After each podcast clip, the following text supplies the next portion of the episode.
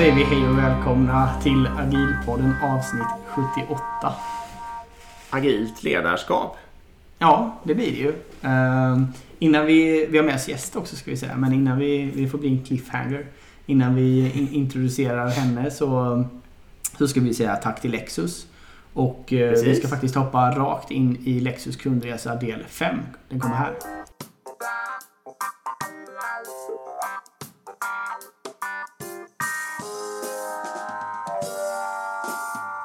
Då säger vi välkomna till Lexus kundresa del nummer 5. Just det. Och nu har vi då varit på återförsäljare, vi har pratat med lite folk och nu är vi då liksom ute och kör. Ja. Var sitter vi? Vi sitter i en Lexus LS 500H. Mm. Den är, alltså, det är en hybridbil. Mm. Eh, den är fyrhjulsdriven. Den har, eh, det är en ladd, eh, alltså den har batterier. Mm. Eh, precis som hon pratade, som Ann pratade om förut. Eh, så den laddar ju medan man bromsar, den laddar vid behov då från bensinen och eh, hybriddrivlinan bidrar ju till att göra den bränslesnål helt enkelt framför allt. Och för den delen också att öka prestandan i låga hastigheter och sådär. Ja precis. Ja, du har kört. Jag har varit ute och kört. Exakt, Nej, det var en jätteskön känsla. Den har den här, eh, vad är det det heter? Heads up. heads up display heter det exakt. Den kastar alltså upp hastigheten i rutan och det, det är en sån här feature som jag bara inte förstår. Varför har inte alla bilar det? Det är en Nej. otroligt skön grej. Mm. Att man slipper titta ner på hastigheten och så utan att man bara istället kan titta upp. Och den visar ju också bredvid då vad det är för hastighetsbegränsning. Så du får liksom hastighetsbegränsningen och din faktiska hastighet. Det är en mm. väldigt, väldigt skön känsla. Mm. Sen såklart, det här är ju en flaggskeppsmodell ja. helt klart. Så man, man, känner ju att det är ju en premium eh, bit i, verkligen. eh, det kan man ju verkligen säga. Och eh, Det finns också då ett mod här som man kan ställa in om man vill köra på eko, eh, vilket hon rekommenderade. Jag valde Sport Plus. Direkt. Direkt, utan att tveka. Ger lite mer, eh, lite mer kraft helt enkelt. Ja, och du ska köra nu. Jag ska köra nu. Jag ska prova igenom alla de där eh, modesen tror jag. Ja. Modesen. Jag, jag måste ju ge dem också här att det är ju imponerande. Det finns ju väldigt mycket funktioner i den här bilen. Men det är ändå ganska lätt. Man fattar ganska direkt. Alltså det är inte mycket knappar och grejer man behöver trycka på för att komma igång. Och liksom allt precis exakt det man vill ska synas direkt. Det gör ju det. Liksom. Ja. Vi vill, ju, vi vill ju stänga av fläkten till exempel nu för vi spelar ja. in avsnitt. Det var ju, var ju väldigt enkelt att göra det. Ja, såg den knappen direkt, ja exakt. Och sen ska vi säga också i här då, jag såg faktiskt inte det från nu, så finns det ju två vattenflaskor då mm. till oss. Här, liksom. Ja, såklart. För jag kände det, jag var lite törstig. Ja, då, fanns det ju vatten här. I dryckeshållaren så står det. det ligger en hamburgertallrik där bak också. Gå bak och kolla. bli hungrig. Gå bak och kolla sen. Precis. Mm. Nu kör jag. Nu kör du. Precis. Bra. Häng med oss.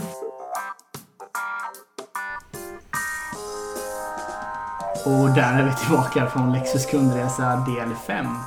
Eh, vi tar och tackar Lexus. Precis. Vi ska också säga tack till Informator Utbildning eh, som är med oss och också gör den här podden möjlig. Gå in på agilpodden.se, klicka på informatorloggan, välj och vraka i ett eh, fantastiskt kursutbud. Och eh, om ni anmäler er till någon kurs så släng med agilpodden där också i en kommentar så de vet att anmälan kommer från oss. Så tar vi tackar även Informator. Cool! Eh, då har vi med oss Siri Vikander. Eh, vill du berätta? Hej. Precis, välkommen! Tack så mycket! Vill du berätta lite om vem du är?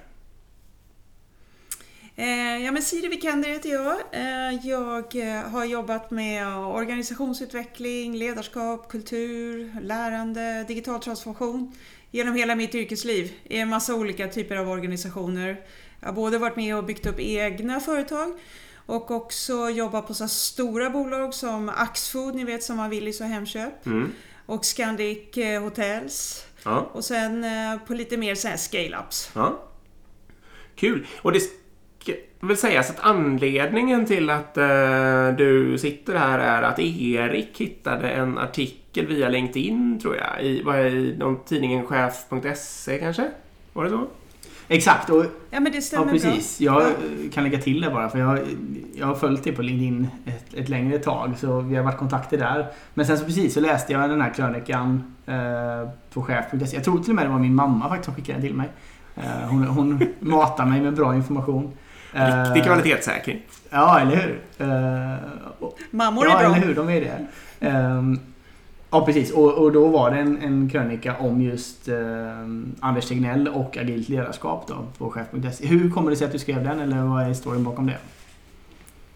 Ja, men eh, så här var det. Jag satt... Eh, jag har ju som hela svenska folket sett honom stå på presskonferenserna varje dag klockan två sen Corona började.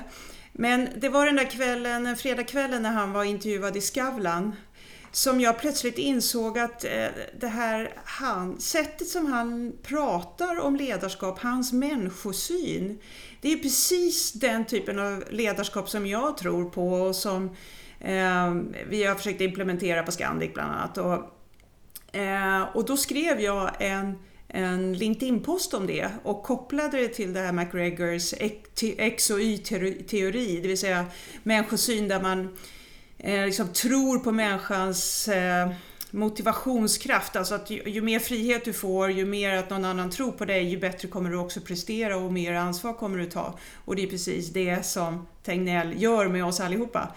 Eh, och sen så postade jag den där och så plötsligt fick ju den väldigt mycket spridning. Eh, och jag förstod att jag hade på något sätt klivit rakt på någonting som fler var intresserade av. Och sen ringde Cecilia Norby från eh, tidningen Chef och frågade om jag ville skriva en längre krönika om det här ämnet. Mm. Och eh, jag blev jätte, jätteglad. Jag startade min första blogg 2007. Eh, så det är liksom 13 år sedan och då var min dröm att liksom få bli krönikör i en tidning. Så det var ju liksom bara, ja, så det var ju bara hur kul som helst. Jag skrev den här krönikan på fredag kväll. Eh, jobbade med den på lördagen och sen så mejlade över den till Cecilia på söndagen. Och fick tillbaka liksom efter bara en halvtimme. Jag vill inte ändra ett kommatecken. Vi lägger upp den direkt. Och sen gick den upp och eh, jag delade den på mitt eget LinkedIn-konto och sen har det ju varit helt hysteriskt. Eh... Ja, kul.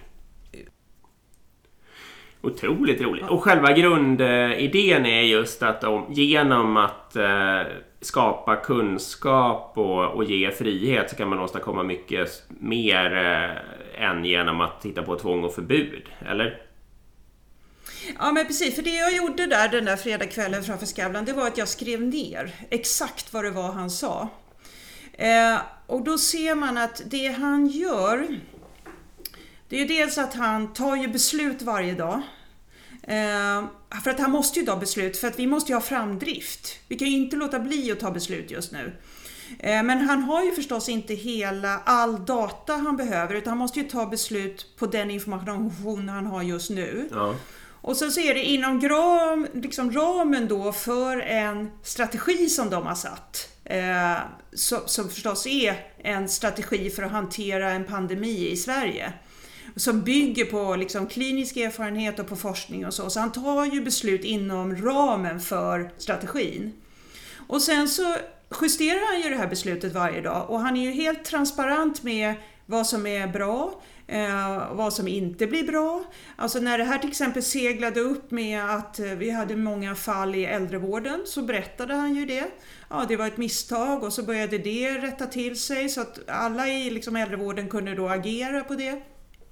Och sen är det ju hela, får han ju massor med frågor kring det här med eh, Men varför har du inte liksom stängt ner alla skolor? Varför har du inte gjort som alla andra länder? Och då drar han ju det här fantastiska exemplet där han säger Men varför, vad blir vi mest motiverade om, om vi stannar hemma därför att det kan rädda våra föräldrars liv? Eller blir vi mest motiverade om någon hotar oss? Mm. Och här kommer ju den svenska kulturen och slår igenom tror jag. Därför att här i Sverige blir vi ju mest motiverade av att liksom ha, känna, få en förklaring varför vi ska göra, oss, göra någonting och därför, därför hålla oss till det. Mm. Nej, en kul spaning. Det är också ett av de ställena i världen där agil kultur har slagit igenom mest, i alla fall dividerat per capita på något sätt. Det är ju Sverige. Liksom. Och du kanske pekar ja, på anledningen. Det visste inte jag. Jo, men... Ja, vad spännande. Sverige, Kalifornien, kanske lite Nederländerna och sådär. Just det, så det passar. Det ligger nära vårt sätt att leda och vår människosyn. Precis. Men sen har jag ju lärt mig, sen efter då att den här krönikan har rullat ut så har jag ju också fått kontakt med akademiker och forskare. Och där säger man ju mycket mer där vet inte jag om det stämmer, men deras förklaringsmodell är ju att inom forskning är man ju väldigt van att ha den här typen av öppna, eh, transparenta diskussioner. Att man hanterar väldigt mycket osäker materia, man tar sig fram mm. så att mm. säga ändå. Så att... Mm. Det är sant, det kanske inte finns lika mycket liksom, politisk politik som det gör inom företagsvärlden. Liksom. Uh, inom... Nej, jag tänker precis, inte så mycket dold agenda. Nej. Sen finns det ju otroligt mycket eh, prestige i liksom, forskarvärlden att man ska ha publicerat så många artiklar som möjligt och stå högst upp på dem och så. Men, men jag tänker i själva debatten kanske man är mer öppen bara. Mm. Ja, kanske. Det kan nog vara både och också faktiskt säkert. Ja, det varierar säkert där precis som det gör inom företag. Superintressant eh, som sagt med den här krönikan. Vi kan rekommendera alla att om man googlar på tegnellochef.se så hittar man, eh, hittar man artikeln så kan man ju läsa den. Um, jag tänkte komma mer på ledarskap och eh, jag tänker på resan också. Ett, din allmänna syn på ledarskap? Men också lite hur har det ändrats på de åren du har arbetat? Alltså dels är ju ledarskap eh, väldigt olika mellan olika typer av organisationer. Alltså ledarskapet är väldigt tätt knutet med vilken kultur man har. Eh, men generellt om man tittar så Deloitte kom ju med en Human Capital Report där, där eh, man gör eh, intervjuer med, med alltså chefer över hela världen. Och det året då, 2015-2016 där, då sa man ju att det toppstyrda bolaget var dött. Jaha. Och det tror jag var, ja, jag tror det var liksom en riktig vändpunkt för att man innan det hade trott att man faktiskt kunde toppstyra. Eh, och klara av det. Eh, men det kan man ju inte. I en sån komplex värld och i en sån snabbrörlig värld som, som vi lever i nu så finns det ingen chans att du hinner med och ha en tillräckligt smart strategi. Eh, om du är liksom så, alltså om du sitter på toppen av ett lite större bolag och du är långt bort från kunder och så. Eh, då måste du jobba mycket, mycket mer med innovationskraften liksom, ute i organisationen. Och, alltså vända på organisationen och tro på att det är medarbetarna som löser det här. Och då blir ju ledarskapet ett helt annat. Då blir det ju, du visar en tydlig riktning, du förklarar varför vi måste dit. Um, och sen har man ett, eh, liksom en kultur där du faktiskt får testa saker, där du får eh, vara dig själv, där du känner dig trygg, Eh, där det är okej okay att göra misstag. Och du har ett ledarskap som är med och stöttar det här.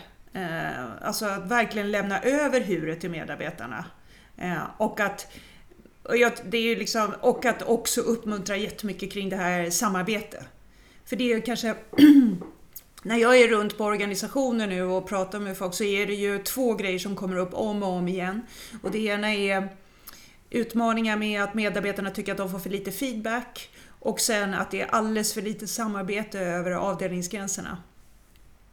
Men tycker du att många stora traditionella företag har eh, ställt om sitt ledarskap? Alltså jag kan tänka lite så här att eh, tysk verkstadsindustri eller något sånt där kanske fortfarande tjänar en del pengar och kanske inte alls har ett särskilt modernt ledarskap och att jag egentligen tycker det är konstigt. Ja, det som jag också tycker är konstigt är att man som ägare i de bolagen inte ställer krav på en annan typ av ledarskap. Jag tror inte att man till fullo har förstått potentialen. För att om ägarna hade förstått potentialen med att släppa loss medarbetarkraften eh, då hade det inte liksom varit toppstyrt på det sätt som är på vissa ställen idag. Och sen är, finns det ju det här missförståndet att man tror att bara för att det är agilt eller så, så är det liksom slappt och löst och ingen kontroll. Det, det vet ju ni som jobbar med utveckling mm. att det är ju väldigt strukturerat. Så mm. det finns ju en tydlig struktur, men man inom den ramen så rör man sig och ut, liksom, får vara med och bidra väldigt, liksom, ja, med den potential man har. Mm. Ja, herregud ja på något sätt så, så förvånar det mig eh, också. För min, min uppfattning är ändå, vi, vi är också förmånen att få gå runt i ganska många företag och besöka dem tack, tack vare den här podden och så. Och om man ändå tittar på det, de absolut flesta applicerar ju fortfarande ganska, vad jag skulle säga, traditionellt ledarskap. Eh, Det är permafrost i mellan chefslederna liksom och det är ganska toppstyrt. Och, och, och jag menar många av mina eh, kompisar som jag pluggade med och så också sitter ju under horribla chefer som liksom, du vet, ska piska på och ska ha tidrapport och man får inte Ja. jobba hemifrån för då är man inte effektiv. Om inte jag kan se vad folk gör. Ni, ja, ni förstår liksom. Ja. Allt det här. Det känns som det är super, supervanligt. Eh, Så på något sätt så måste det ju vara att organisationer går fortfarande tillräckligt bra för att man inte ska behöva ställa om det där liksom. Man kan ha, applicera ett ganska dåligt ledarskap och ändå fortfarande tjäna pengar. uppenbarligen. Ja. Ja, just det. Men hur mycket pengar hade man inte tjänat med ett annat typ av ledarskap? Eh, ja, men så är det ju. Det är ju klart att, att när ett företag utsätts för Alltså att det börjar gå med förlust. Eh, om man tittar på hotellbranschen till exempel när, när de här Hotels.com och Booking.com och de kom. Så började ju de ta en del av marginalen. Det blir ju en väldigt tydlig, vi måste göra på ett annat sätt nu.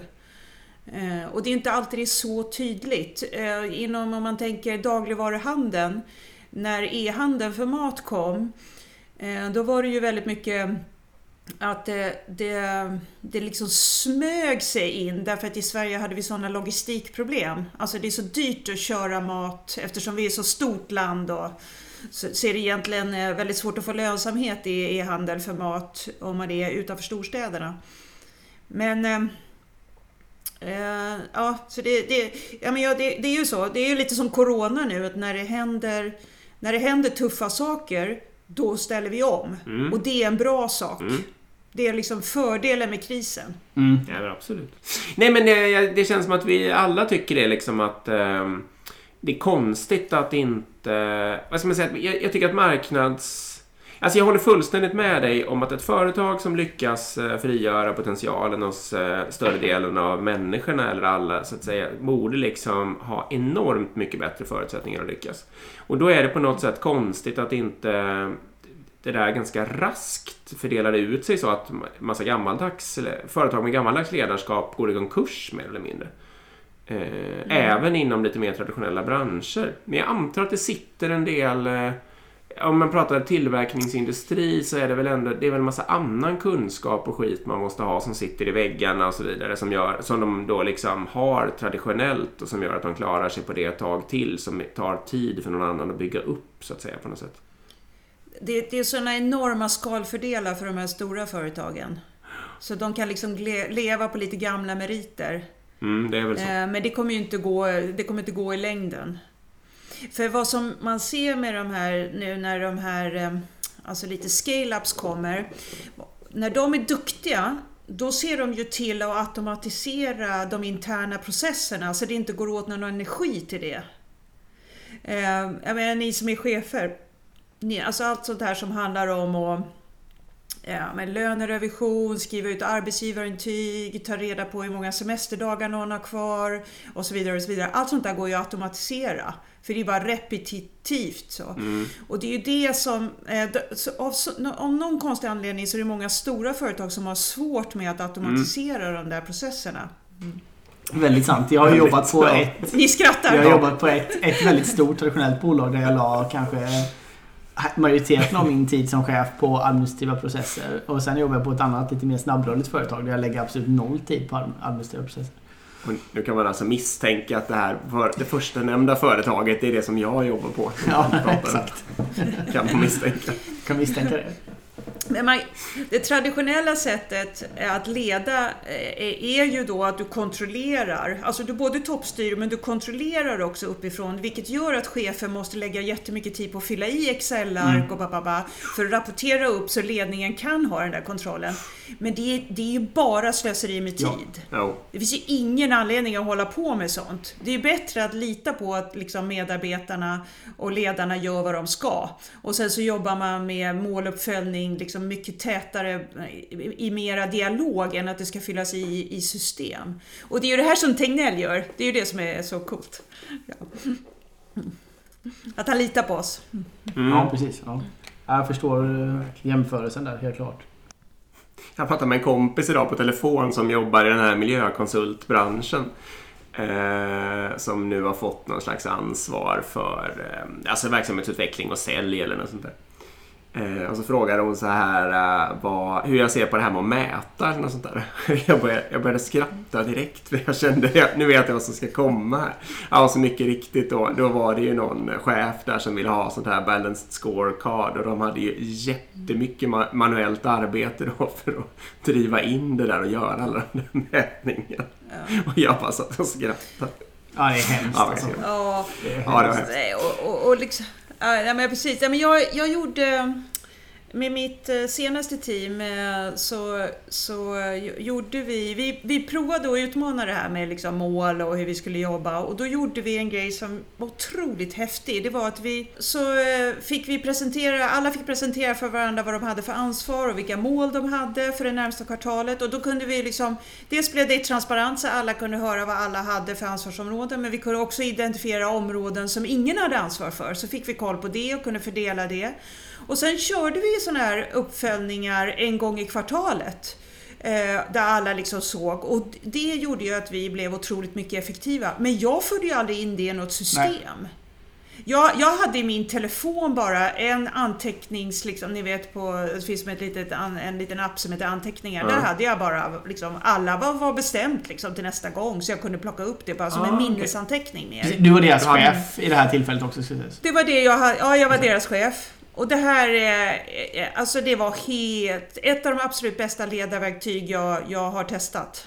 Satt ni, gjorde ni det här i ett rum liksom allihopa i en cirkel mer eller mindre? Eh, eller vad var det för form kring Nej, alltihopa? eh, var och, en fick, eh, var och en fick en mall av mig. eh, Där det stod, det var egentligen fyra rubriker som var eh, varför, vad, hur, vad bidrar min roll med? Vad är mitt ansvarsområde?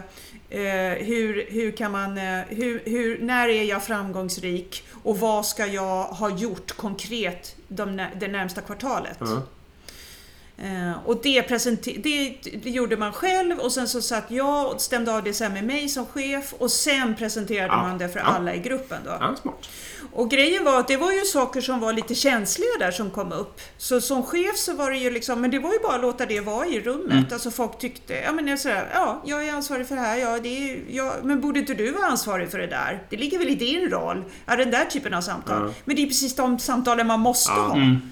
Eh, Jag, håller, Så att, jag håller med eh, och jag, jag har gjort samma sak. För jag, jag har alltid tyckt att det har varit märkligt att just utvecklingssamtal eller utvecklingsmål och så vidare ska vara ett hemligt avtal mellan medarbetare och chef. Eh, och sen så liksom när man, när man sitter och spenderar 80-90% av tiden med sina kollegor så vet inte de, har inte de en aning om vad man själv riktar går på för... Nej, och så ännu märkligare att man ska bara göra det med sin chef en gång Ja, det är med. Exakt. Det är Det en härlig klassiker. Ja, det, det är så dumt. Ja, den är Men- klassiker. Det första man måste göra är att slå upp vilka målen nu var, för det kommer man inte ens Nej, ihåg. lite så är det. det, är så, det är, så, så ser ju verkligheten ut på 90% av alla bolag skulle jag säga. Ehm, men, Ja. men vi gjorde också ex, ett experiment med lön, där vi gjorde precis samma sak med lön egentligen. Ja, vad eller framförallt uh, löneprocessen, just att teamet fick sätta, de fick sätta varandras löneökning ett år. Eh, på precis samma premisser Mm. egentligen. Var, det, var ni transparenta det med vad ni hade för ja, lön det var en också? förutsättning. Mm. Det var en förutsättning, för de var tvungna att Det väga in är- det i sin bedömning. Mm. Ja, och det här är ju liksom helt fantastiskt. Och startar du ett företag så kan du liksom från grunden, ursäkta mig, eh, göra det. Det som är svårt i ett större bolag är ju att löner ofta har en historia. Mm. Som är väldigt svåra för, för, för liksom de andra att förstå. Eh, för det finns inte en given koppling mellan liksom, prestation och lön. Utan, eh, Precis, men det, Eh, det, det, i sig är inte ett argument för att inte göra det transparent dock. För, för det är egentligen eh, enda sättet att komma... För det innebär, finns det liksom onaturliga löneskillnader eller orättvisa, uppenbara orättvisa löneskillnader, till exempel som att många män tjänar mer än kvinnor som har samma jobb. Liksom. Enda sättet att det någonsin ska komma fram är ju att skapa transparenta löner. Ehm, Men det, nej, och jag är helt före och jag hade kunnat liksom, jag skulle klara av att göra det med team. Eh, men jag tror att man som chef måste välja när man är redo att göra det. Ja, Eh, förstås. För att det, det är liksom en... Det, det, det kommer upp saker som man får... Man måste helt enkelt hantera det. Det är tufft. Men en, annat, en annan grej som jag har liksom drivit i många år, det är ju att man egentligen skulle ha en baslön. Och sen så hade man på det saker som var, jag är projektledare, jag är chef eller jag är liksom... ehm, för att det här med att vi jobbar någonstans länge och bara får mer och mer lön för åren går liksom. Mm. Och till slut är vi ju överbetalda förstås. Och så är vi lite fat and happy, men vi vågar inte byta jobb. Eh, därför att då måste vi gå ner i lön. Eh, ja, ni fattar, Ja, det där verkligen. är ju ingen bra grej. Nej, det är ingen bra grej. Eh, Det var ju någon annan som var, ja, våra gäster som pratade. Det var väl Jagge måste det ha varit va?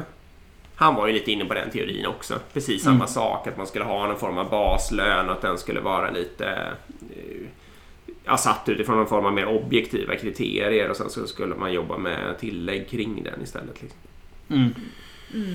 om jag minns rätt. Jag tror det skulle, det skulle avdramatisera eh, det här med lön. Mm. Ska vi säga det? Eller enda argumentet som jag har hört som jag ändå tyckte är li, alltså mot transparenta löner. Eh, jag tror det kommer via dig på något sätt Erik. Men det var ju helt enkelt att eh, det skulle ske en, en utjämning mest troligt. Att löneskillnaderna skulle bli mindre och att det kanske skulle bli svårare att hitta vissa spetskompetenser. Eh, för att man inte skulle kunna upprätthålla den löneskillnaden som behövs och så vidare. Som ändå är marknadsmotiverad. Liksom. Mm. Eh, och det ligger ju någonting i det. Det är i alla fall en utmaning. Ja, säg Siri. Ja, ja men då, då får man ju igen då, alltså egentligen, alltså allt som du måste göra som chef eh, och som du också kan förklara, det finns ju ändå en vettig förklaring där. Nej men det går inte att få tag i utvecklare om du inte betalar det här priset och då är vi beredda att göra Mm. det. Ja. Men vi gör också så att eftersom vi, håller, vi vet att vi ska stänga kundsupporten här borta om två år, så vi har sådana här reskill eller upskill-program nu som gör att alla som vill jobba kvar hos oss och börja jobba som utvecklare, de kan gå det här och det här programmet. Så vi jobbar också med att försöka bli mer självförsörjande med till liksom, fursen av utvecklare. Så man, man man kan liksom säga okej, det är inte skitbra, vi måste göra så här nu, men vi har den här lösningen på sikt. Mm. Ja. Det är bra. En annan grej som eh, jag har utmaning med faktiskt i, i mitt jobb. eh, Det är just eh, med lärande. Och hur man får in det på ett naturligt sätt. För det som ofta mitt team, eller mina team säger och som vi får feedback på. Det är liksom att ja, men det är väldigt mycket op- operationell, eller operationellt här och nu. Liksom. Man spenderar 90% eller 95% av sin arbetstid med att lösa problem här och nu. Och det är ganska svårt att finna kontinuerliga lärandet. Och mycket av det får man göra på sin fritid och helger och så vidare. Eh, och det känns ju inte alls optimalt. Så jag till, som åtgärd har vi till exempel eh, Vi har ju självklart sådana här hack weeks och innovationsdagar och sådana saker som man kan lära sig saker på. Men vi har också mer eh, på, på en kortare kadens har vi eh, tre timmar varje måndag morgon. Som vi kallar typ för learning hours. Där man får göra vad man vill. Man får kolla YouTube eller ja, läsa en bok eller ja, vad man nu vill lära sig. Liksom. Det, det finns ju klart ingen skyldighet att redovisa det där utan man får bara lära sig det man vill. Ehm, men men ehm, däremot så, så uppmanar vi att man är transparent med vad man gör så att folk kan hoppa på så man kan lära sig tillsammans. Då.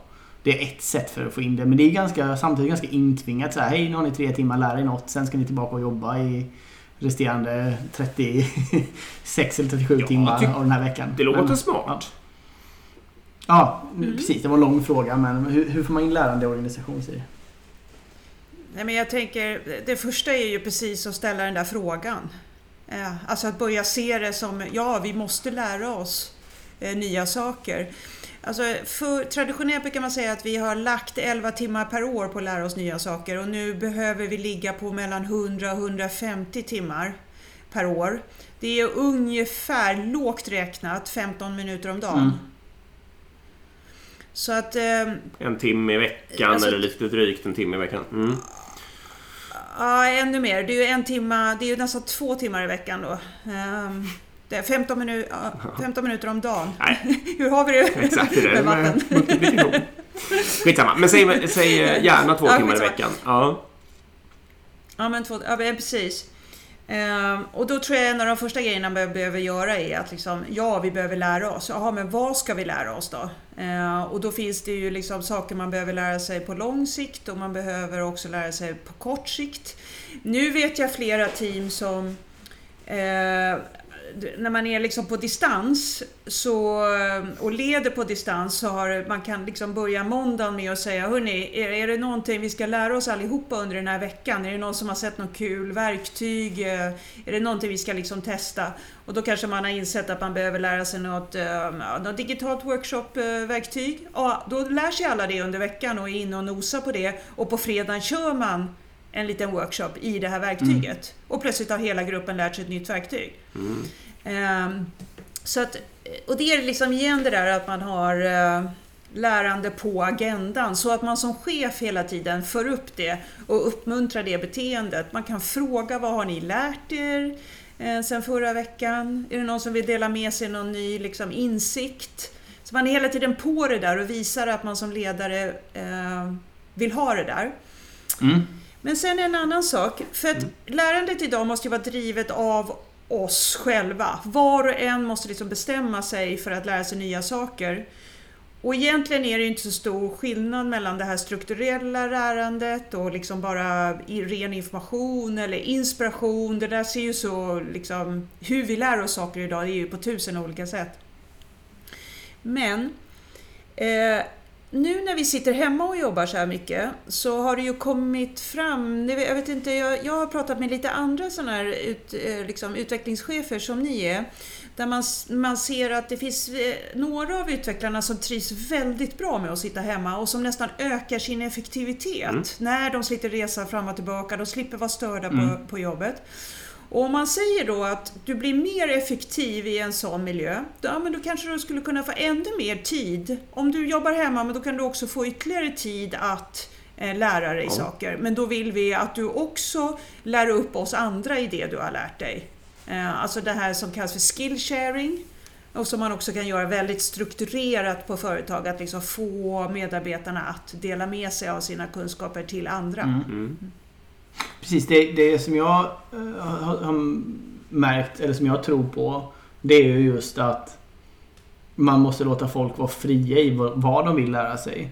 Uh, för det, det, kan ju vara så, låt säga att vi har ett utvecklingsteam uh, som bara håller på med Java-programmering. Men någon vill lära sig något helt annat som inte har... Det är ingenting vi jobbar med idag överhuvudtaget. Liksom. Det är helt orelevant. Typ lära sig kanske programmera för appar i en Apple-telefon eller vad det kan vara. Um, och då, då, tycker jag det är superviktigt att den personen får lära sig det. För det kan ju vara så att företaget någon gång i framtiden ska göra en app för en eh, Apple-telefon. Mm. Eller kanske redan gör på någon annan avdelning. För om man stoppar det och bara säger nej, du får bara lära dig saker som saker som är totalt relevant för det här teamet eller i den lilla kontext du jobbar nu. Då, det kommer ju bara sluta med att personen i slutändan söker sig någon ja. annanstans där, de, där man får jobba inte. med det man vill. Nej, precis. Men jag märker det, det är ganska vanligt att nej, man begränsar jag... på att man får bara lära sig mm. med det. Mm. Men det där är en gammal tanke, att du ska bara lära dig saker som du har nytta av i din nuvarande Exakt. tjänst. Eh, så det, det, det, liksom, det, känns verkligen förlegat. Och för att det är också så att om personalomsättningen idag ligger på två, tre år att folk är kvar på en arbetsplats. Om vi då, och vi vet att det är jättedyrt att rekrytera och omborda folk. Och då är, måste vi ju erbjuda dem utvecklingsmöjligheter både i befintlig tjänst men också att de ska kunna röra sig till andra projekt och jobba med olika saker mm. internt. Mm. Är företag bra på detta då? Är företag bra på att ta hand om sin personal generellt? Jag, jag pratade med TNS Kantar i veckan eh, och de, de eh, det som jag tyckte var spännande, de gör såna här eh, employer branding undersökningar vad medarbetare mm. vill ha av sina arbetsgivare. Och då har ju det här med att man vill jobba på en arbetsgivare med ett högre syfte, det har ju legat högt jättelänge och utvecklingsmöjligheter och så här. Men det som har söglat upp nu under coronakrisen är att man vill jobba någonstans där arbetsgivaren på riktigt månar om mm. en. Riktigt liksom bryr sig om sina medarbetare och liksom ser dem som en del av framgången. För att om man tittar på företag nu så är det ju som att det är lite av en vattendelare i krisen här. En del bara skär kostnader, tänker bara på pengar. Mm. Och sen finns det några som liksom lyckas tänka både på, det är klart att vi måste skära och man måste liksom anpassa. Har man inga intäkter så måste man ju skära i kostnader. Men att man kan alltid göra det på ett sätt där man också är rädd om medarbetarna och tar hand om dem. Mm. Men alltså jag är ju så liksom god, jag har ju sån här god syn på mänskligheten. Jag, jag tror ändå att de flesta har det ganska bra på jobbet i Sverige. Jag tror det. Och att vi har ändå en sån enorm möjlighet att röra oss till andra arbetsplatser om vi inte trivs. Mm. Och vi har ett skyddsnät om vi blir av med jobbet och så. Ja, precis. Såklart. Jag menar relativt. Men min känsla är ändå att, att många företag inte utnyttjar potentialen hos sina medarbetare och inte tar hand om sin personal heller. Återigen, när jag pratar med mina kompisar så och man ser hur företag agerar. Och det, som jag skulle säga är ju det vanligaste misstaget är att allt är så fruktansvärt kortsiktigt tänkt. Det är liksom så här, Mm. nej du kan inte få det här förmånen nu för då påverkar det vår leverans om två veckor liksom. Mm. Och då slutar den människan istället på det företaget. Och, och i a- alternativa vägen hade varit att den personen hade fått det där och då hade jobbat där i tio år till och levererat hur mycket värde som helst. Men det, den, det långsiktiga perspektivet är det sällan någon som tar. Utan alla optimerar bara för kortsiktighet. Liksom. Och det är ju det här som jag var inne på lite i början, att jag, det här, eh, alltså som börj- att man måste mycket bättre på att se helheten och man måste bli mycket bättre på att samarbeta. För att om alla chefer bara fälls på att optimera sin egen avdelning, då kommer det aldrig vara så att den här, att man faktiskt hjälper till det högre, så- alltså det, det liksom hjälper till för det högre Mm. syftet och få hela företaget att lyckas. Och då kommer det bli sådana här konstiga beslut och så tappar du folk. Ja. Ehm, vet, alltså, en klassiker är ju det här att du har, du har någon i ditt team, du vet att den skulle vilja börja jobba i ett annat team, men den chefen kan inte ta emot den för det finns ingen budget Mm. där och då finns det ingen omställningsbudget för att låta den lönekostnaden vara här borta som egentligen är en sorts utbildningskostnad. Då. Mm. Så det är väldigt så här, budget, jag tycker det finns en, det är mycket gammaldags kränk, tänk där ute kring hur vi fördelar eh, pengar. Ja, verkligen. Och vi gör det liksom en gång per år och man får en budget och så ska man röra sig inom ramen för den och den tillhör en chef, en avdelning. Ja, det är hemskt. Och så är det massor med som händer under ett år som gör att det där inte kommer funka. Nej, såklart. Ja, det är helt värdelöst. Men- Ja, jag håller med. Era recept här nu då, om jag vill gå hem och göra en lärande organisation, det är alltså att avsätta tid till exempel varje vecka eller något sånt där då, och se till att det finns det. Eh, och så låta människor göra det de vill under den tiden. Och det andra som du sa Siri, det är att jag ska gå runt och fråga alla människor vad de har lärt sig. Ja, det var ganska liksom sådär konkreta tips. Ja, Om vi ska är liksom, bra. som är lite här och nu. Eh, Men för jag tänker, ska man så, som jag jobbar med när jag går in och jobbar och ska förändra en hel organisation, då gör ju jag en ganska djup analys innan där jag tittar på eh, vad, ha, vad, vad, vad är affärsutmaningen? Och vad är medarbetarutmaningen? Hur, hur ser strategin ut här några år framåt? Okej, och vad behöver vi då göra nu med kulturen, med ledarskapet, med lärandet för att lyckas? Mm. Så det är liksom en sorts grundgrej som ligger, eh, som man, man liksom jobbar fram och jobbar efter. Och sen måste ju liksom cheferna, de måste få, få förutsättningar att jacka i den där strategin. Mm. Och sen är det ju det här, då kommer man fram till den här liksom era, alltså chefernas vardag, när man ska få det här att hända med sina medarbetare. Mm. Eh, och då är det ju precis de konkreta tipsen som du summerade så bra där. Mm. För jag tycker att det är lite svårt, inte varför. Jag känner mig lite maktlös ibland i det där med att skapa lärande faktiskt. Och det kanske är, det är säkert mitt eget fel på något sätt. För det är inte så att jag saknar makt egentligen. Men eh, att jag liksom inte riktigt, jag vet inte. Det, det händer kanske inte riktigt på den nivån som jag skulle vilja. Hur, ehm, hur, hur jobbar ni med eh, liksom, eh, utvecklingssamtal och så? Eller hur gör du? Hur använder du utvecklingssamtalen för, för lärande och så hos er? Alltså, eh, nu har jag, jag har ju då bara utvecklingssamtal själv med, eh, med mina underställda chefer liksom. Så jag vet inte om det är representativt, men man kan ju tänka sig att de beter sig liknande då. Och då är det, normen är ju på den här eh, lite mer trögrörliga företaget där jag arbetar, det är ju det här en gång per år då. Eh, och jag brukar lägga in någonting som jag kallar för utvecklingssamtal två gånger per år. Då. Men sen så brukar jag ju lägga in anteckningar i... Alltså jag träffar ju alla mina de som rapporterar till mig. Eh, eller vi har ju one-on-one varje eller varannan vecka. Och då brukar jag fråga mm. om sådana aktiviteter. Liksom. Eh, mm. Och följa upp. Men jag kanske ska börja... Precis, jag kanske ska fokusera mer och verkligen se till att jag alltid har en lärande...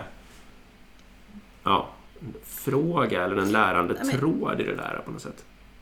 Ja, just det. Sen tänker jag att en, ett, ett av de starkaste verktygen eh, som man har eh, är ju att be om feedback. Mm. Alltså så du kan ju be om feedback. Det är ju ett sätt att säga hur kan jag bli bättre chef? Är det någonting du vill att jag tänker på? Hur kan jag stötta dig? Alltså det är lite vad är lärande? För det är lätt att tänka att lärande är att man går en tutorial eller man går en how-to-guide eller att man eh, ja, man lär sig något litet system eller så. Men lärande handlar ju väldigt mycket om hur vi löser arbetsuppgiften. Mm. Så att eh, liksom en, en, och där är ju, tycker jag, en, sån där, en superbra verktyg för alla på en arbetsplats är att fråga liksom, ja men, ja, men eh, hur, gjorde, hur, hur tycker du att jag hanterade det där mötet? Eller um, är det någonting som jag borde tänka på? Eller, det där är ju sånt himla bra input mm, för mm. Att lära sig, liksom, den, för att lära sig utvecklas själv. Den delen är jag nog faktiskt bättre på. Jag är nog sämre på att eh, peppa mm. andra människor att skaffa sig sakkunskaper. Jag är nog bättre på att få stimulera mm. dem till personlig utveckling faktiskt. Ja, det är mer naturligt för mig. Men där, ja, ja, men... Och det, jag tror ju att det kanske är viktigast med den personliga utvecklingen för sen kommer liksom det andra på det. Eh, att du sen ja. börjar faktiskt liksom vara, vara ute där och söka dig till den liksom faktiska kunskapen som är en ganska liten del ändå. Det mellanmänskliga är mycket större. Jag skulle vilja ta tillbaka eh, ett steg bara till eh, det här med långsiktigt och kortsiktigt. Vi har ju med oss Lexus som vår sponsor och du har läst den här The Toyota Way Dick. Mm. Fanns det inte en... De jobbar ju väldigt, väldigt mycket med det här med hur chefer ska tänka långsiktigt versus kortsiktigt. Kan inte du ta lite? Mm, de, det är en av deras tolv principer säger ju att eh, beslut ska fattas baserat på långsiktiga strategier eller något sånt där.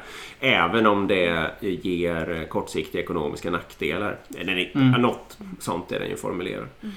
Eh, de är ju bra på det. Alltså att de eh, lever sin, de lever sin kultur och de tänker långsiktigt och de skiter i om de får ekonomiska förluster kortsiktigt. Liksom. Och de lär ju mm. sig mycket och så vidare. De är ju också en föregångare på något sätt i hela för att om man pratar det där med att göra saker lite bättre hela tiden, eh, då kan man ju säga att den agila rörelsens retro är ju på något vis ett enkelt sätt att få till det. Liksom. Men det kan man ju säga att ett, ett sånt starkt lean-företag, eller vad man nu vill kalla det, som Toyota eller Lexus, de är ju skitbra på det. Att, eh, eh ja, men ständiga förbättringar, att hela tiden få in någon form, man kallar det vad du vill, men retro eller liknande. Och att allting i hela organisationen så tänker alla på det. Liksom. Det är ju mm. jättesant. Mm. mm. Det är imponerande. Och också imponerande att ha en sån tydlig eh, ledarstrategi. Mm. mm. Som alla känner till. Mm. Det gäller att den är bra. Ja, exakt. Ja, det den är bra, precis. Och det är också lite, man kan säga, de har ju eh, eh, lyckats väldigt bra med varutillverkning. Eh, otroligt bra. Men eh, de har ju inte klivit fram på ja, men tjänst eller tech liksom på samma sätt nu. Så det kan ju hända att de behöver, att det ändå är någonting där som kommer ja. behöva ses över. Liksom. Ja, det finns ju en del av de här företagen som är väldigt, väldigt effektiva. Eh, som, som får svårt med innovation. Ja. Därför att man har liksom, det, det, för det, alltså man har bara effektiviserat processer tills de sitter precis som järn. Eh, och då blir det svårt att innovera i en sån miljö och de brukar ju nästan alltid starta innovation då i egna mm. bolag. Eh, vid sidan om, för det blir liksom lättare. Mm. Det är ganska vanligt, det är väldigt många som gör mm. Det. gör ju till och med Google i och för sig som en ja, exakt. bra det, på innovation. Absolut. Det är ju alla stora bolag. Och, och det där är ju Alltså jag tycker det är så otroligt intressant med eh, det här med vad är storlek, alltså, vad är en optimal storlek på ett företag? Ja. alltså jag, det, det blir, ah, jag tycker det är jätteintressant. Jag har absolut inget svar men jag, jag liksom läser jag. vad jag kan komma över. Jag försöker förstå. Har du det? Men bra, kan jag få höra Erik? Två är rätt storlek. Nej, jag vet inte vad Erik Ni får inte så säga. mycket skalfördelar. Nej, men alltså, det beror ju lite på vad det är för typ av verksamhet. Men jag har funderat på det här ganska mycket. Eh, och jag tänker framförallt egentligen på tech eller IT-bolag då. För det är det som är min, mitt kunskapsområde liksom. Det är där jag har verkat. Så jag tror att man totalt övervärderar eh, skalfördelar. Alltså att man är många.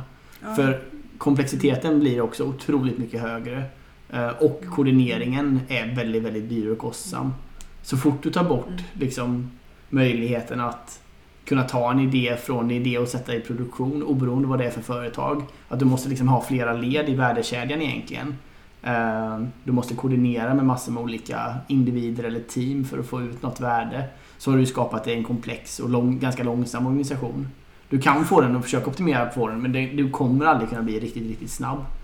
Och det finns ju några ascoola exempel på eh, företag som är otroligt små men som ändå har en väldigt, väldigt stor verksamhet. Mm. Ja, men, ja, men jag, och jag tycker ju också med liksom när AI och intelligenta assistenter och robotar och så här. Det borde ju leda till att det påverkar skalfördelarna. Alltså om sånt är så enkelt och så automatiserat. Då, då borde det vara så att man kan liksom vara i en mindre organisation, alltså vara mindre i antal människor men fortfarande ha, liksom, vara väldigt effektiv och ha skalfördelar fast i en liten fas. Mm. fas liksom, en liten fas. Men sen får man fundera på så- liksom, vad lägger folk tid på? Jag menar om du tar ett... Jag har själv gjort den här undersökningen. Det är otroligt intressant. Eh, Det kan jag rekommendera att göra. Att be- folk bara anonymt kan du göra varje dag. Lägga, vad lägger du din tid på? På ditt arbete. Eh, Och speciellt om man tar en utvecklingsorganisation som jag har jobbat med så är det otroligt lite tid man får lägga på att faktiskt skapa värde eller att faktiskt skriva kod eller göra någon lösningsorienterad uppgift. Utan det absolut flesta, liksom 60, 70, 80 procent av din tid går till att sitta i möten för att koordinera med andra. Och det gör du tack vare av att du är en stor organisation. Liksom. Så, eh, det är ganska lite folk är effektiva i organisationer på grund av att de är stora. Men det är också, det här tycker jag är jätte, alltså eh, toppstyrda, lite långsamma organisationer, de sitter ju väldigt mycket i möten. Eh, eh, så att, och, och de här lite mer agila organisationerna, de, de diskar ju av mycket mer i liksom småmöten och småavstämningar. Och bara, eftersom framdriften är det viktiga hela tiden. Och eftersom man som chef egentligen är där för att liksom, ta bort hinder så att teamet bara kan fortsätta så, så har man ju mycket tätare kontakt med sina teammedlemmar. Mm. Mm. Mm. Så är Det absolut.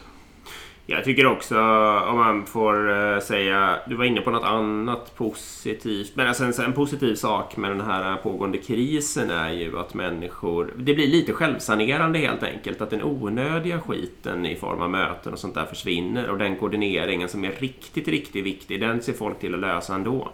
Och sen lägger de liksom mer tid på att skriva kod och sånt där. Eh, Eller vad det nu är för kärnverksamhet man har. Eh, Och kan ja, få mer gjort. Och för den delen då kanske använda överskottet eller vad man nu kallar det för, för lärande eller vad som helst. Eh, Det är sant lite och stall, stalltipset det blir ju här nu att när det här är över nu, att speciellt de här permitteringsföretagen och sånt, när de kommer tillbaka nu, lägg för fan inte till alla de här mötena nu igen. Nej. Utan, Exakt. Se till att arbeta den tiden istället. Exakt. Och, och behåll bara dem. Men sen är- ja. Men sen är det så spännande, om man är på en arbetsplats så, så liksom om man ska gå till ett rum, man ska hämta kaffe, man ska sätta sig ner, man håller på och socialiserar och så, tar liksom, och så ska man få igång Skype och ljudet funkar inte, och ni vet så här, ba, ba, ba. Så har det ju gått 7-10 minuter liksom. Mm. Eh, Medan jag tycker nu när man jobbar digitalt, då är mötet Ja. satt 9. Då är alla där, Ja. då loggar alla in. Och sen är det ganska rakt på och när man har löst uppgiften, ja men då, då är mötet klart. Ehm, Alla satt Och där, det- de kunde sin härligt. utrustning och alltihopa. De bara liksom växlade. Oh, nej, det är väldigt sant. Ja, så det finns något, eh, ja, men det finns något bra där. Men verkligen, som du sa Erik, inte åka tillbaka nu och sen så börja fortsätta med alla fysiska möten. Utan liksom verkligen tänka, vad lärde vi oss av det här? Hur kan vi jobba på ett annat sätt nu? Mm. Vi har ju också den här omvända spaningen, den, den har vi inte pratat om idag, men att om man, eh, om man inte passar sig så kan man ju bli übereffektiv liksom och fullständigt, eh, alltså man, man blir Mm. lite dum till slut för att man sitter och bara kör, kör, kör, kör, kör varje sekund av sin tid. De här eh, naturliga mikropauserna när man dricker kaffe och sånt där. på jobbet. Det gäller ju att eh, förstå att man behöver dem, åtminstone i någon nivå, liksom, även eh, när man jobbar hemifrån och även försöka vara social och sådana där saker. Det pratade vi nog Ja, men det är jättebra att du lyft. Ja, men det är jättebra att du lyfter det. För att det kan ju lätt bli att, att du sitter framför datorn liksom åtta timmar. Det går ju inte.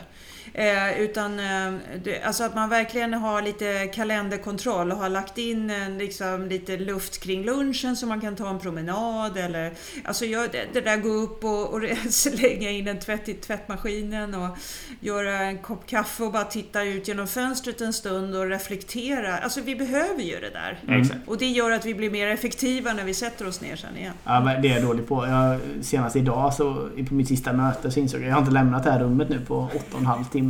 Ja, det blir ju lätt så. alltså, jag Ja, hamnar också det. där ibland. Ja men eller hur! Men det är ju ganska roliga bilder nu på social media hur vi alla kommer se ut efter krisen sen. Tjocka och deppiga Ja, eller hur? och bleka. Lite så det känns som.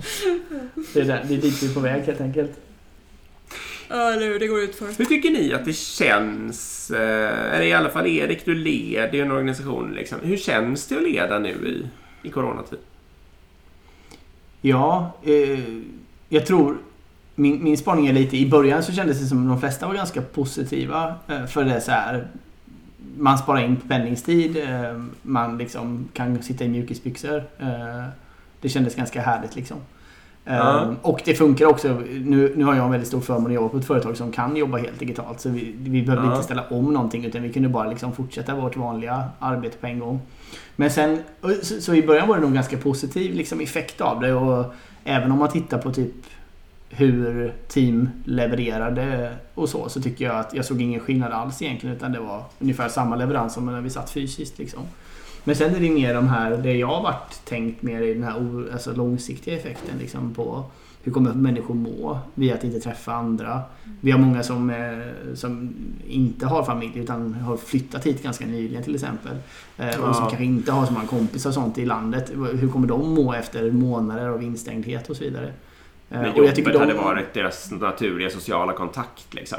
Exakt. Eh, så, och det, det tycker jag man börjar se effekten av nu också lite att eh, min känsla är att att folk mår lite sämre.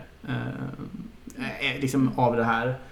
Det är ju Ja, o, oklarheten och av att tiden går liksom. På något sätt. Mm. Min känsla där är ju lite att jag, ja, men den är ju väldigt lik på ett sätt. Då. Det funkar bättre än vad man någonsin kunde tro. Det var lätt att ställa om till digitalt och många blir effektiva. Eh, och vi har ganska, och vi lyckas ändå lägga in en del social digital samvaro och Mm. så vidare. Absolut. Men sen är det ju lite, nu har jag ju ganska stor organisation eh, och det är flera led och sådär. Så det, den enda känslan för mig är att den här eh, möjligheten att liksom gå runt och snicksnacka och kolla, känna av stämningen. Den är Mm. lite borta. Jag hamnar lite i blindo där på något sätt. Liksom. Det är Mm. klart att det är en del prat på kanalerna i Teams och sånt där och där kan man ju lite känna av stämningar och sånt. Liksom. Jag ska inte säga att den är helt utraderad, men det, det har jag i alla fall inte lyckats hitta.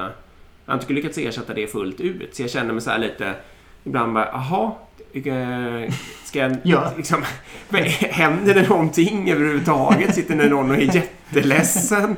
Eller är det liksom... så. Men sen, när jag tänker efter så inser jag det att jag vet de människorna som har problem, det kommer ju oftast liksom till mig. Så troligtvis är det faktiskt så att hälsan är väldigt mycket tiger still, att det går väldigt bra för alla människor att, att göra Ja. sitt jobb. Liksom.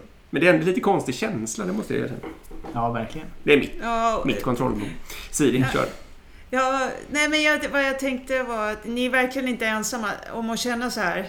Alltså alla chefer och, så- och HR-chefer och så som jag pratar med nu, det, det är liksom verkligen så här. Det, det verkar som att i början var det väldigt mycket så bara praktiskt för de som inte hade jobbat digitalt först. Vilket verktyg ska man använda? Liksom, och jag måste ha ett par hörlurar och liksom hela Mm. stan tog slut på webbkameror Mm. och liksom hela den där.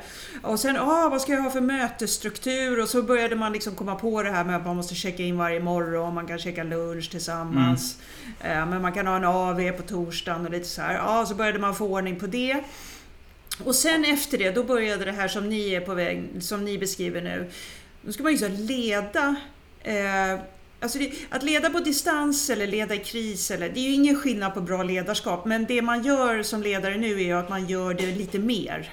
Alltså man har ju tätare kontakt, man ser till att ringa mer, man har mer Mm. check-ins med var och en. Särskilt om det är någon man är lite orolig för som kanske är lite tystare. Eller, och, jag menar, nu är det ju också så att man är i ett team, alltså det, folk drabbas ju. Mm. Alltså man kan ju de Mm. kan ju själva bli sjuka eller nära anhörig blir sjuk eller avlider och så. Så att jag menar, vi är ju i en tuff situation. Så att man som ledare är ju mer närvarande. Och så går ju liksom humöret upp och ner.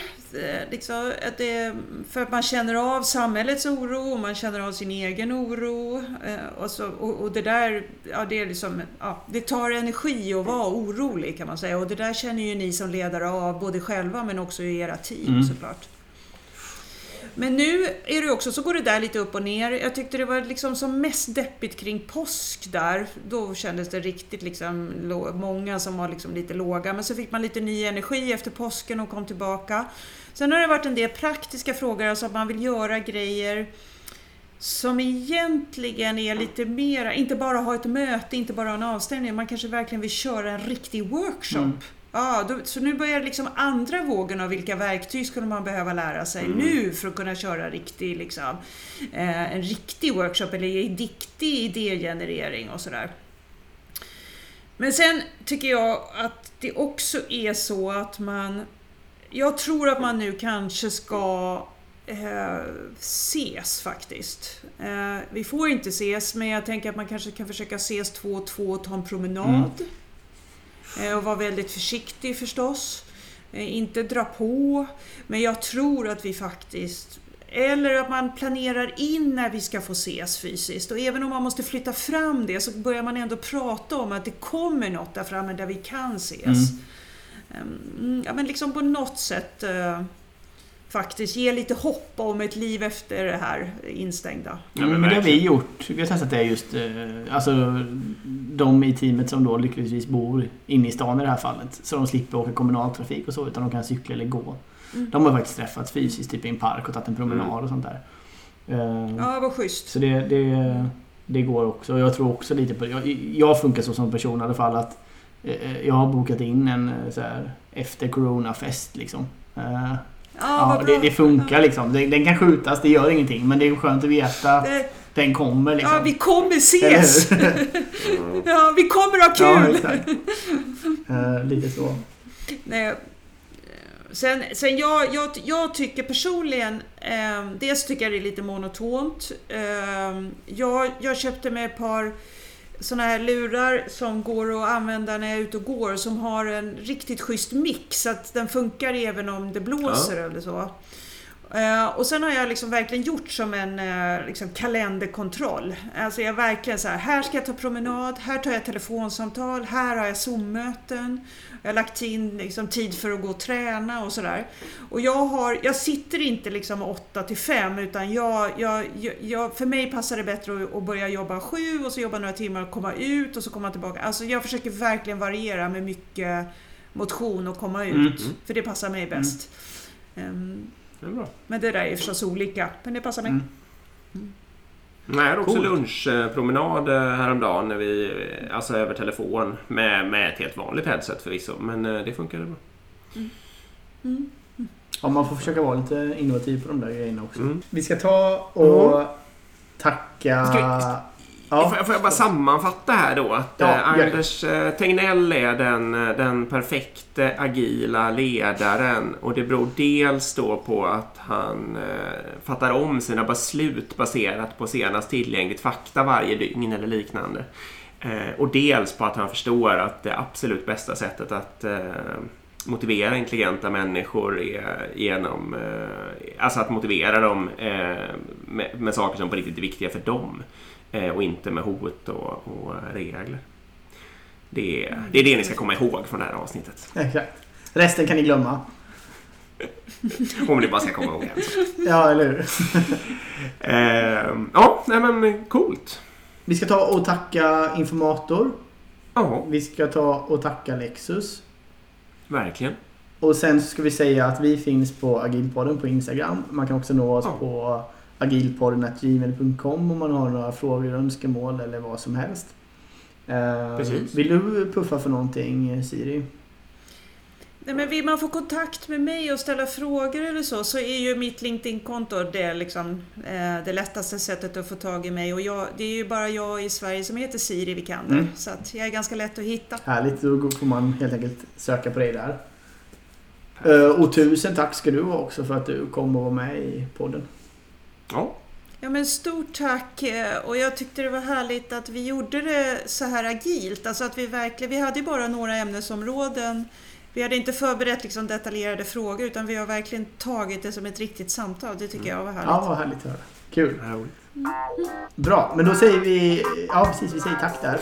Och tack till alla som lyssnar. Bra. Hej, hej.